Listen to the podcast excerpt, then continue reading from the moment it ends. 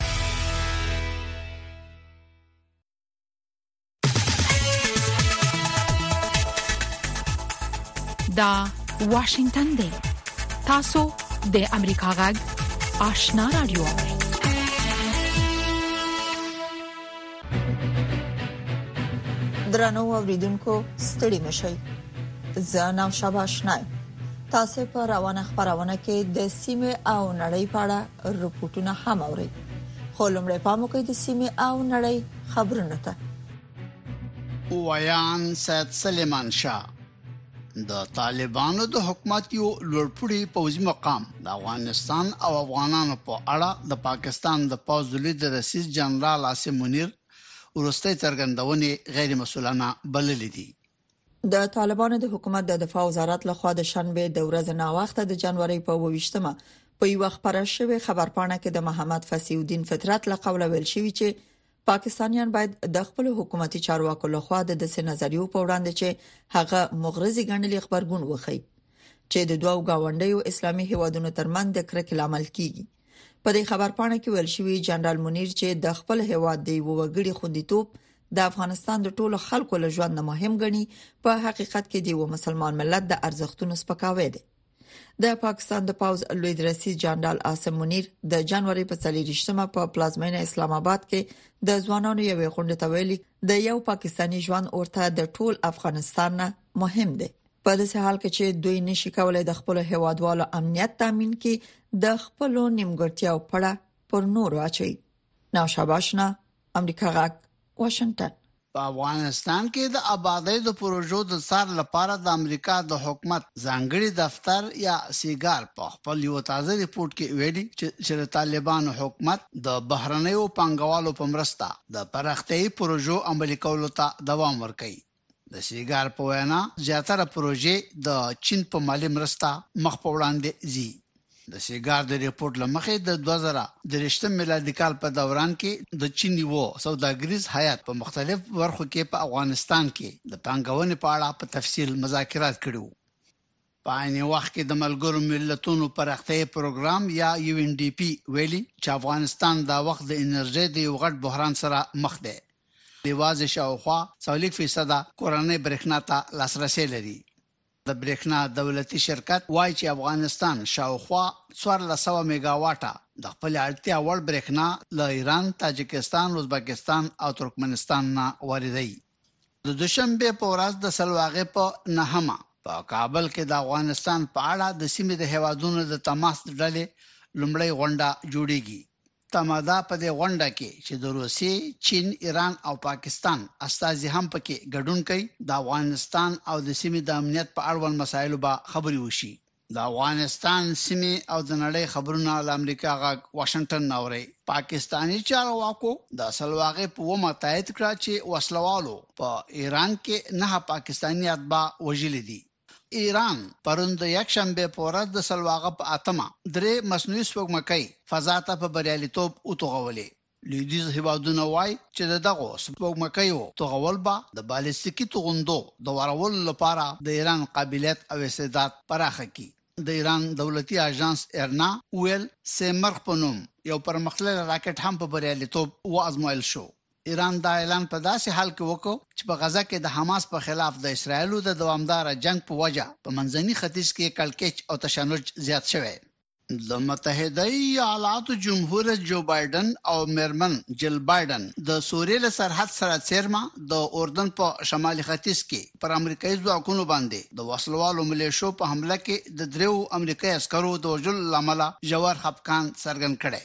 د سپینې ماڼۍ په یوه مطبوعاتي بیانیه کې چې په دې مناسبت خپره شوې، د ښاغلي بایډن له قوله ویل شوي، په داسې حال کې چې موږ د دغې پېښې په اړه حقایق راجمع کوو، موږ پوهېږو چې حمله ایران پلوه راډیکالو ډلو چې په سوریه او عراق کې فعالیت کوي، کړې. عراقي چارواکي وايي چې د اسلامي دولت یا داعش په خلاف د امریکا په مشرۍ د ائتلافي ځواکونو د ماموریت د پای ته رسولو لپاره د امریکایي چارواکو سره رسما مذاکرات پیل کړي دي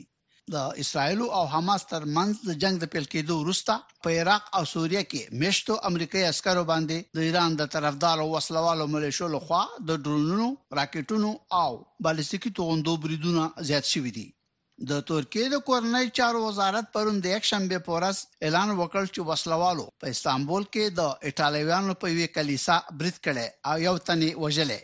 د نړۍ د کاتولیک فرقې د مسیحیانو مشر پاپ فرانسیس دغه برید په کلکه غندلی. د فلسطیني کډوالو لپاره د ملګرو ملتونو مرستندویه ادارې د سلواغې په اومه په دې ادارې د متحده ایالاتو او بریتانیې په ګډون د یو شمېر غربي هېوادونو لخوا د مالي مرستو د ځنډولو پرېکړه ټکان ورکوونکې بللې. د یوکراین د امنیتي خدماتو ادارې یا SBU د شنبې په ورځ وویل چې د یوکراین د وسلو یو شرکت محتکرو یوکرایني مامورانو سره په ګډه څولېښت میلیونه ډالر چې د پوځ لپاره له روسیې سره د جنګ په غرض د هاوان د مرمیو د اخیستلو لپاره ځانګړې شوې وې، غلا کړي دي. په عین وخت کې د بریتانیې د دفاع وزارت پرون د یکشنبې په ورځ خبر ورکړ چې وروستي ارقام ښيي په تېرو شپږو میاشتو کې په روسیه کې دننه د پوځ د جلبیانو په دفترونو حملې زیاتې شوې دي. د امریکا د ویبرز کمپنۍ د کلیفورنیا د سان فرانسیسکو د ښار په شمال کې واقع د سونوما په فارمونو کې پنځه لکه او پنځوس زره چرګان د مرغانو د وبا د خپرېدو له امله مړه کړل او د امریکا غږ د سپینې ماڼۍ خبریاله د څارونکو له قوله وايي په داسې حال کې چې داسې ښکاري چې د متحده ایالاتو د جمهوري ریاست په راتلونکو انتخاباتو کې به پخوانی جمهور رئیس ډانلډ ټرمپ او برحاله جمهور جو بایډن یو د بل د مقابلې لپاره درېږي، د ټرمپ د حقوقي ستونزو او د دواړو کاندیدانو د زیات عمر له امله اندېښنې زیاتې شوي. که یو کاندید هم په وروستۍ شېبه کې له میدان نه ووځي، په سمه توګه نه څرګندېږي چې څه به پېښ شي. د سیمې او نړۍ خبرونه مو واورېدل، پام وکړئ د سیمې او نړۍ په اړه رپوټونو ته. د افغانستان په ګڼو ولایتونو کې واوره او باران شوی. د هوا پیژندنې اداره وایي چې له کونړ، ننګرهار او نیمروز پرته په ټول هیواد کې واوره او باران کېدای شي د هیواد په ګڼو سیندیزو حوزو کې د ناڅاپي سیلابونو د راوتلو سبب شي. په همدې حال کې د ملګرو ملتونو د بشري چارو د همغږۍ دفتر یا اوچا ویلي چې سږ کال ژمی په استثنایی ډول وچ او ګرم دی. له اوږدې مودې وروسته د افغانستان په ګڼو ولایتونو کې اورښتونه پیل شوي دي. د طالبانو تر ولکې لاندې د افغانستان د هوا پیژندنې اداره وایي چې په یو دیرش ولایتونو کې واوره او باران اوري. د کابل ښاریان چې د هوا له ککړتیا نه تر پزې راغلي وو، تازه ورښتونو د هوا پاکوالي ته هیله مند کړي. در کابل از دیروز فتره برف باران شده رئیس هوا بسیار گردالود بود بسیار خراب بود مریضی ها زیاد شده بود اما شکر خداست که باران شد و هوا را تازه ساخت پاک ساخت و فعلا انشالله که مریضی ها کم میشه او هوا ډیره ورسره پاک شو د کابل هوا ډیره د دودونو او مرکز ګردیان او د شانو ډیره خراب کړی و او سوا شکر الحمدلله پاک شو خو یو مشکل دا دی چې خلک غریب دي د سرپناه ځای نه لري، یخني ده. په همدې حال کې د ملګرو ملتونو د بشري چارو د همغږۍ دفتر یا اوچا وايي چې سږ کال په افغانستان کې ژمی په استثنايي ډول وچ او ګرم دی. دغه اداره زیاتوي چې په واوره کې د پام وړ کمۍ به د سختې وچکالۍ سبب شي. سږ کال متاسفانه د دې وړاندوینو په خلاف چې وړاندوینه شوې وه چې سږ کال افغانستان به ډېره واوره ولري او یو یخه ژبه ولري متاسفانه دغه په خلاف وضعیت واقع شو او دا په دې معنی چې متاسفانه تر اوسه پورې تر شپږ فیصد د ورښت کمښت لرو متاسفانه او واور چې ډیر افغانستان لپاره ډیر مهم دی تر 2 مترو پورې په هندوکش غرونو کې واوره کم شوې ده 2 متر کسر د واور لري مونږ او تاسو او که که مونږ او تاسو په دا یو میاشت چې لږمې نه پاتې دي چې واوري ونه لرو او دا کار سره پوره نشي متاسفانه راتلونکي کال کې بیا بیا زموږ هواد سلورم کال وی چې د یو وچکالینا وچکالینا به وزوريږي خو خوشبینی شته دی چې چې په یو میاشت کې چې پاتې ده په فبرवरी او مارچ کې په د د پسرلي په لومړۍ کې ورښتونه وشي خو واوره ډیر مهم ده او که واوره کسر پوره نشي بیا اورښتونه هم ډیره ګټه نه کوي کارپوهان په دې باور دي چې که په راتلونکو میاشتو کې واوره ونه وریږي او که په سمه توګه د اوبو مدیریت ته پاملرنه ونه شي، د بارانونو اورښت به ډیر ګټور نه وي. اوسني اورښتونه د نورمال حالت نه تقریبا د دوه میاشتو په تفاوت سره راځي، نو بهتره به دا وي چې دغه اوبو نه اعظمي استفاده وشي. اعظمي استفاده اله ممکنه ده چې دغه وب ذخیره شي د غیر ضایعاتو مخنیوي وشي په خاري سیمو کې په کار چې دغه وب خامه برخه چې خار یا د کورونو خامه برخه چې هغه ته لار ورکړل شي ترڅو الته جذب شي او په کلو باندې کې په دشتو کې ښه خبره به دای چې د وړو وړو بندونو یا چکډیمونو په وسیله باندې دغه وب ذخیره شي تر څو دغلته تم شي او د ځمکې لاندو زیرمه کې د زیاتوالي باعث شي د افغانستان د هوا پیژندنې ادارې شاوخوا ټول افغانستان په سیندیزو حوزو کې د ناڅاپي سیلابونو د راوتلو اټکل کړی دی او خلکو ته یې خبرداری ورکړی چې د سیلابونو راوتلو ته تیار وي او د ځانونو د خوندیتوب لپاره اقدامات وکړي احسان لاریوزی امریکا غږ واشنگټن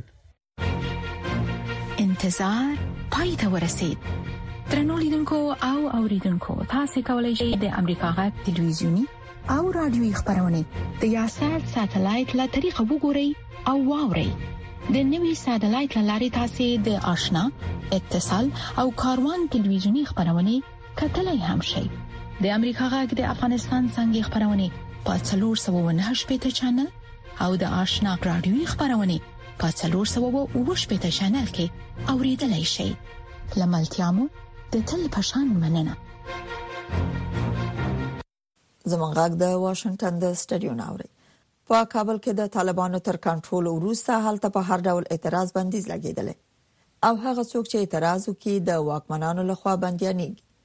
ګڼ شمېر هغه افغان اعتراض کوونکو میرمنو د نیولو لويري اوس خپل وطن پریخي او نور هیوادونو ته پناه وړي ده محادثه یو له همدې اعتراض کوونکو نه ده چې زمنګ همکار ورسره مرکه کړي او دا رپورټ پرې جوړ کړي دي دا یوه خونه د دې افغان فعالې ټول کور دی او دلته له تیرو څو میاشتو راځي په دې هله ژوند کوي چې له دې خونې به یوې داسې نړۍ ته وځي چې د دې پر کار او ژوند به پکې هیڅ بندیز نه وي از افغانستان در مای جولای، هفت جولای از افغانستان آمدم طرف پاکستان قسم آمدم که خب البته وضعیت خیلی خراب بود در زور پیسه یک رقمی کردم که بر خود ویزه بکشم چون قاچاقی هم آمده نمیتونستم ما دو تا خواهر بودیم که بدون چه بودیم من بدون همراه بودیم و قاچاقی آمده نمیتونستیم خب بالاخره یک کاری کردیم ویزه کشیدیم برای خود آمدیم ادا هفت جولای طرف پاکستان دغه فعاله وايي، دوی له ځینو نورو فعالانو سره په وطن کې په ځینو لاریونونو کې ګډون کړی و چې په خبره یې تر هغه وروسته یې هلته ژوند ځکه سخت شو چې د دې په خبره طالب چارواکو د دوی د زنداني کولو هڅې کولې. یک جنبش به نام جنبش زنان افغانستان برای برابری تحت اینمی عنوان چی که ما تظاهرات را اندازه میکردن در کوچه و پس کوچه های کابل دیگه به در یک بار چی کردیم امی یک کنفرانس مطبوعاتی برگزار کردیم که در او کنفرانس امی رئیس گروپ ما را که به نام ظریفه یعقوبی بود او را طالبان دستگیر کرد که به مدت چهل و یک روز در زندان او به سر برد به او خاطر دگر طالبان پشت دگر از زنان متعرض بودن هر وقت برای خانمای متعرض زنگ می زدند طالبان می خواستند اینا را از یک طریقی دستگیر کنند. دغه فعال وايي پاکستان کې هم ژوند له سخت کړاو سره مخامخ دی او له دې سره چې د ویزې د تمدید لپاره د خواست ورکړي خو وايي رد شوی او مجبور ده چې په ناقانونه توګه دلته ژوند وکړي فعلا در پاکستان هم مشکلات های ما خیلی زیاد هست اعمالی که هستم پول کافی نداریم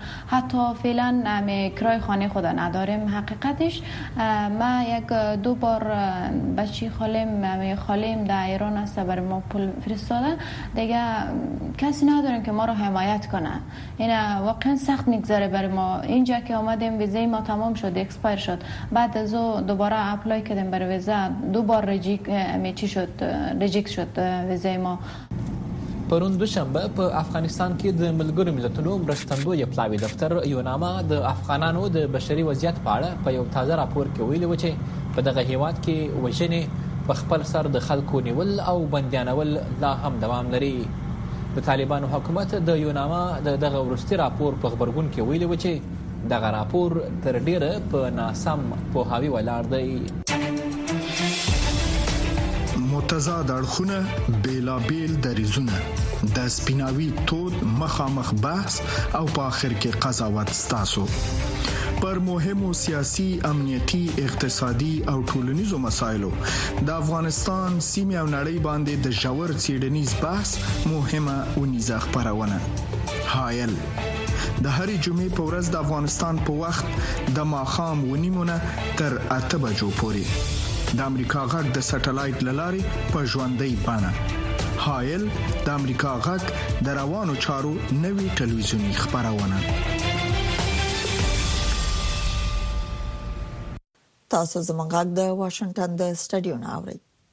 د واشنګټن ډي سي ملي موزیم د ماشومانو د ادبیاتو په یو حیرانونکي ځای باندې بدل شوی دی.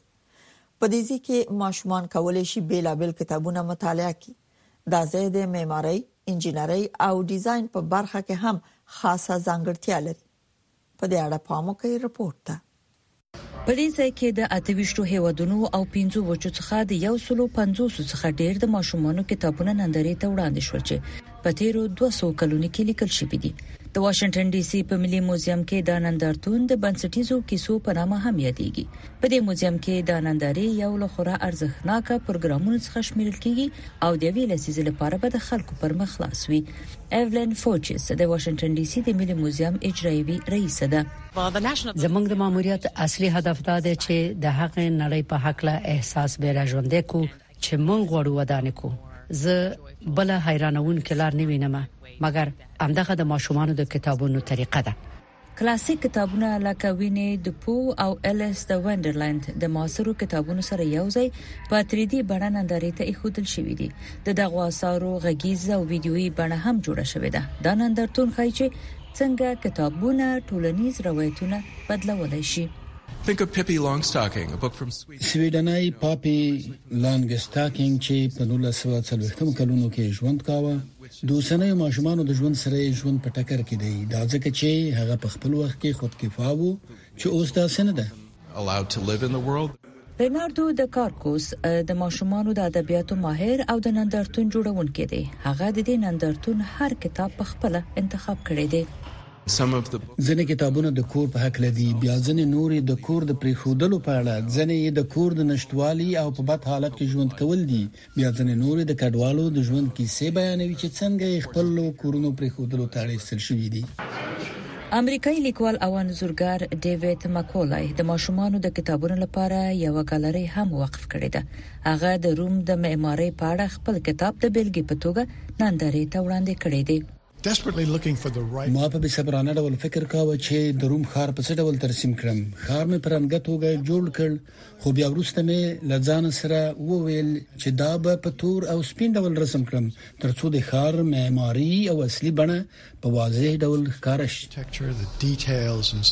په دې نندارتون کې د مطالعې خونه هم شته چې له 200 نه ډیر کتابونه پکې موجود دي او ځوان نندارچیان کولای شي چې خپل کیسې په دې ځای کې هم درج کړي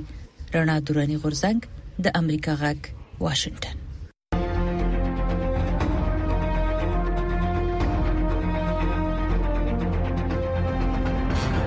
اتصال زموږه ساسي پیوستون خبرونه چیرنی او خبرګونونه موثق معلومات او دقیق جزئیات کورنۍ نړیوالې او سیمېزي مسلې چې د عامو خلکو پر ژوند غیز لري ساسي پښتنې د چارواکو ځوابونه او د پوهانو سپارښتنې لې یک شنبه تر پنځ شنبه هر مخام په شپږ بجو او دیر شو دقیقو له واشنگټن څخه پر ژوندې بڼه د سټلایټ ټلویزیون او ټولنیزو شبکو لاري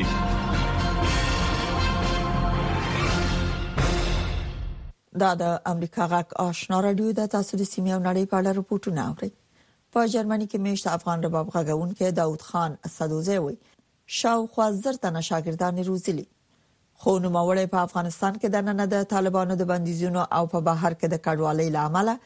د افغاني موسیقي راتلونکو د اندېښنې وړ بولی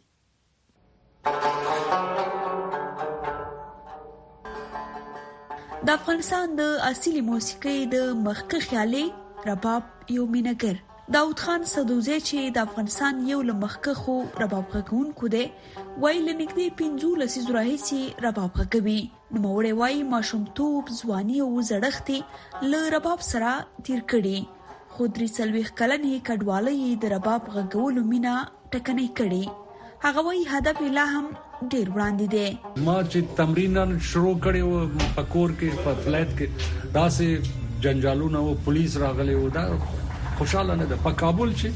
و، زما کور و، زموږ دوکان و، مغازه و. چې رباب وو بیا ټول کسان راغلي زما پلار ویل چې دلته څنګه د ډیرې مجلس ته یا دکان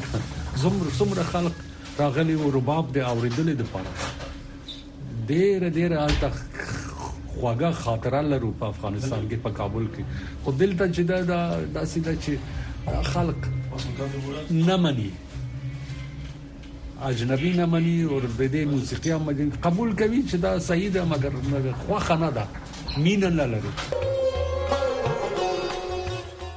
داود خان سدوزی له کلونو راهیسې د نړۍ په ګڼو هیوادونو کې له افغان او بهرنیو وګړو سره د رباب زده کړې کنسرتونو او سیمینارونو جوړولو او د سندرو پر کمپوز بوخت دی نوموړي تیر کال د اغا خان بنسټ لوري د موسیقۍ جایزه وګټله. ښاغلی سدوزی افغانستان کې د موسیقۍ روان حالت د اندېښنې وړ ګڼي. ډېره ښه وه په افغانستان کې یعنې ډېر استعدادونه ده جوان خلق ده او زما یو ګرو بایی ده زما ورور ده هلته استاد سردار مدو اور بله کسان درس ورکړي ډېر شاګردونه درلوده. خو اوس دا دا حالت چې راغلی دی چې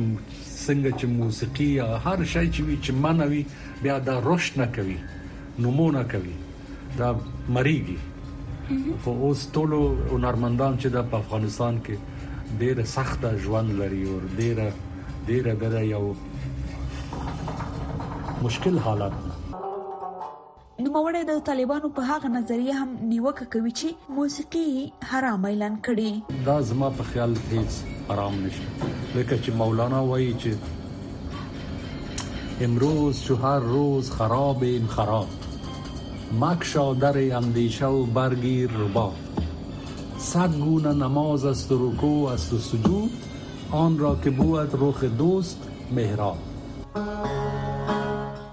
ښاغلی سدوزی وایي که څه هم په افغانستان کې پر موسیقۍ بندیز لګېدلی دی خو په بهر کې د دوی زده کوونکي او خپلې هڅې به یې تر یوه حده د افغانستان ښه استازیتوب وکولای شي.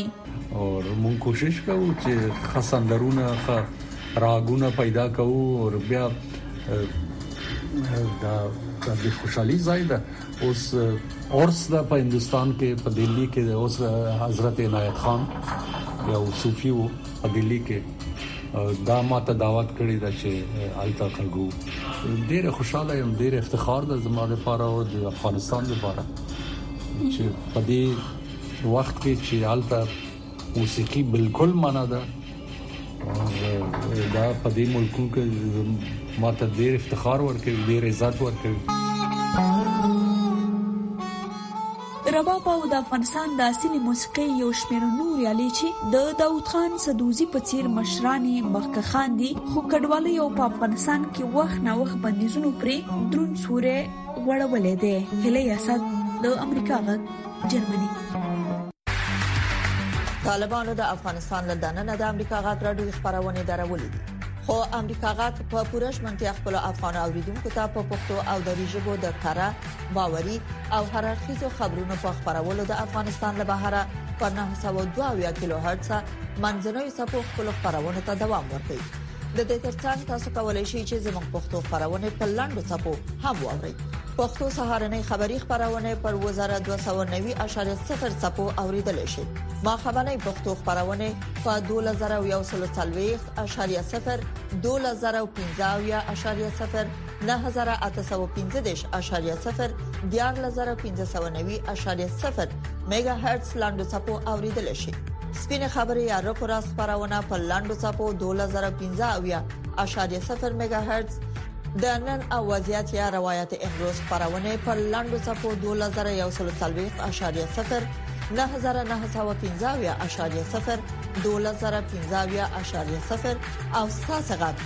یا صداي شما خبرونه پر لاندو صفو 2513.0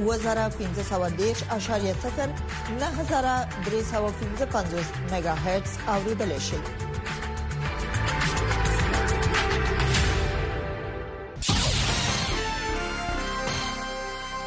درنو اوریدونکو دا د اوس په یو سرمقاله ووري چې د امریکا د حکومت نظر څرګندوي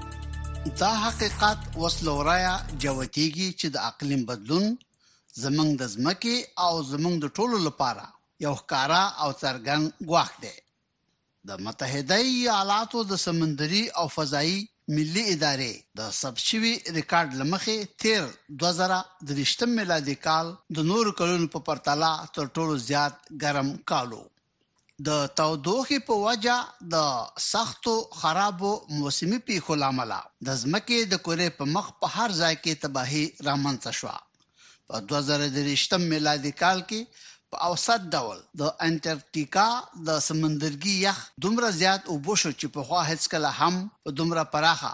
کچه نه و اوبه شوی او که په همدې کچه اوبه کېدل دوام ومومي، نو د صنعتي انقلاب له دور نه مخکې له یو اعشاریه پنځه درجې سانتي ګراد نه د تودوخې د زیاتوالي د مخنیوي پر ځای ممکن چې د روانې میلادي پېړۍ تر پایه پورې د اقلیم د بدلون په وجه تودوخه درې اعشاریه څلور درجو سانتي ګراد ته لوړه شي. د اقلیم د بدلون د چارو لپاره د متحده ایالاتو د حکومت ځانګړي استازي جان کیری ویلي چې تیر 2023 کال واقعا چې د اقلیم د بدلون په حساب د بشر په ټول تاریخ کې د منفي عواقبو په اعتبار زیات تخریب کوونکی کال ثابت شو. جان کیری زیاته کړه، همدا اوس د ځمکې پر مخ په مختلفو سیمو کې په میلیونونو خلک د بې ځایه کېدو له امله د حرکت په حال کې دي، خو یوازې د اقلیم د بدلون په سبب نه، بلکې د اقلیم بدلون یې یو ستر لامل ګرځېدلی، د اوبو د کمښت بحرانونه، او د هغو فصلونو د کرلو په برخه کې د خلکو بې وسي چې مخکې به پرې خپل ګذران کاوه، او د هغو ناروغیو بیا خپرېدل چې موږ فکر کوو له منځه مو وړي او د کاروبار او روزګار ګډوډېدل او د ورځني ژوند اخلالېدل ټول هغه عوامل دي چې خلکو سره مخامخ شو او هر چا ته یې تاوان واړو. که تاسو له دغه خلکو سره مخ شئ نو حتماً به تاسې ته ووايي چې د سوداګریزو موادو د انتقال د لړۍ د اخلالېدو په وجه ژوند څومره ګډوډ شوی او داسې نور. د اقلیم د بدلون د بحران د مخنیوي په خاطر د مبارزې په وړاندې د نورو خنډونو په جمله کې دا وخت تر ټولو غټ خنډ د پیسو کمبود دی. ښاغلي کیري وویل چې په ټریلیونونو ډالر پکار دي او هر کال له دوه نیمو او یا دریو ټریلیونو نه تر څلور نیمو او ان پنځو ټریلیونو ډالرو پورې پیسو ته اړتیا لیدل کیږي. کیري زیاته کړه چې شخصي پانګونې ته ضرورت دی، خو خلک د سرمایه ګذارۍ په اړه زړه نازړه دي او موږ باید د سوداګریزو اعتبارنامو له لارې پیسې پیدا کړو. کله چې تاسو یوه نغده سوداګریزه معامله کوئ، نو په بنیادي ډول داو وهئ، د تاوان خطر له منځه وړئ او د نقصان امکانات مو ځکه کمېږي چې تاسو یو څه پیسې د اعتبار لپاره له بانک سره ساتئ. په لومړي سر کې که تاوان هم ومنئ، دا پیسې خلکو ته ډاډ ورکوي چې د دفاع وړ نفع او ګټې امکانات هم زیات دي او دا یو داسې داو دی چې همدا اوس په وهلو ارزي. جان کیري وايي، څرنګه موږ دغه کار سرته رسولی شو؟ او فیلنتراپي یا بشرپالنه نن سبا په دې اړه غټ رول او نقش لوبوي. ښاغلي کیري زیاته کړه چې بشرپالنه او انسان دوستي وړیا مرستې برابروي او تر ټولو مهمه دا ده چې د اقلیم د بهتر کولو لپاره د پانګونې په وجه د نقصان خطر هم مني. او زما په باور له دې نه لا زیات مهم او غټ څه کې دی شي او یا حتمی او فوري بڼه درلودل شي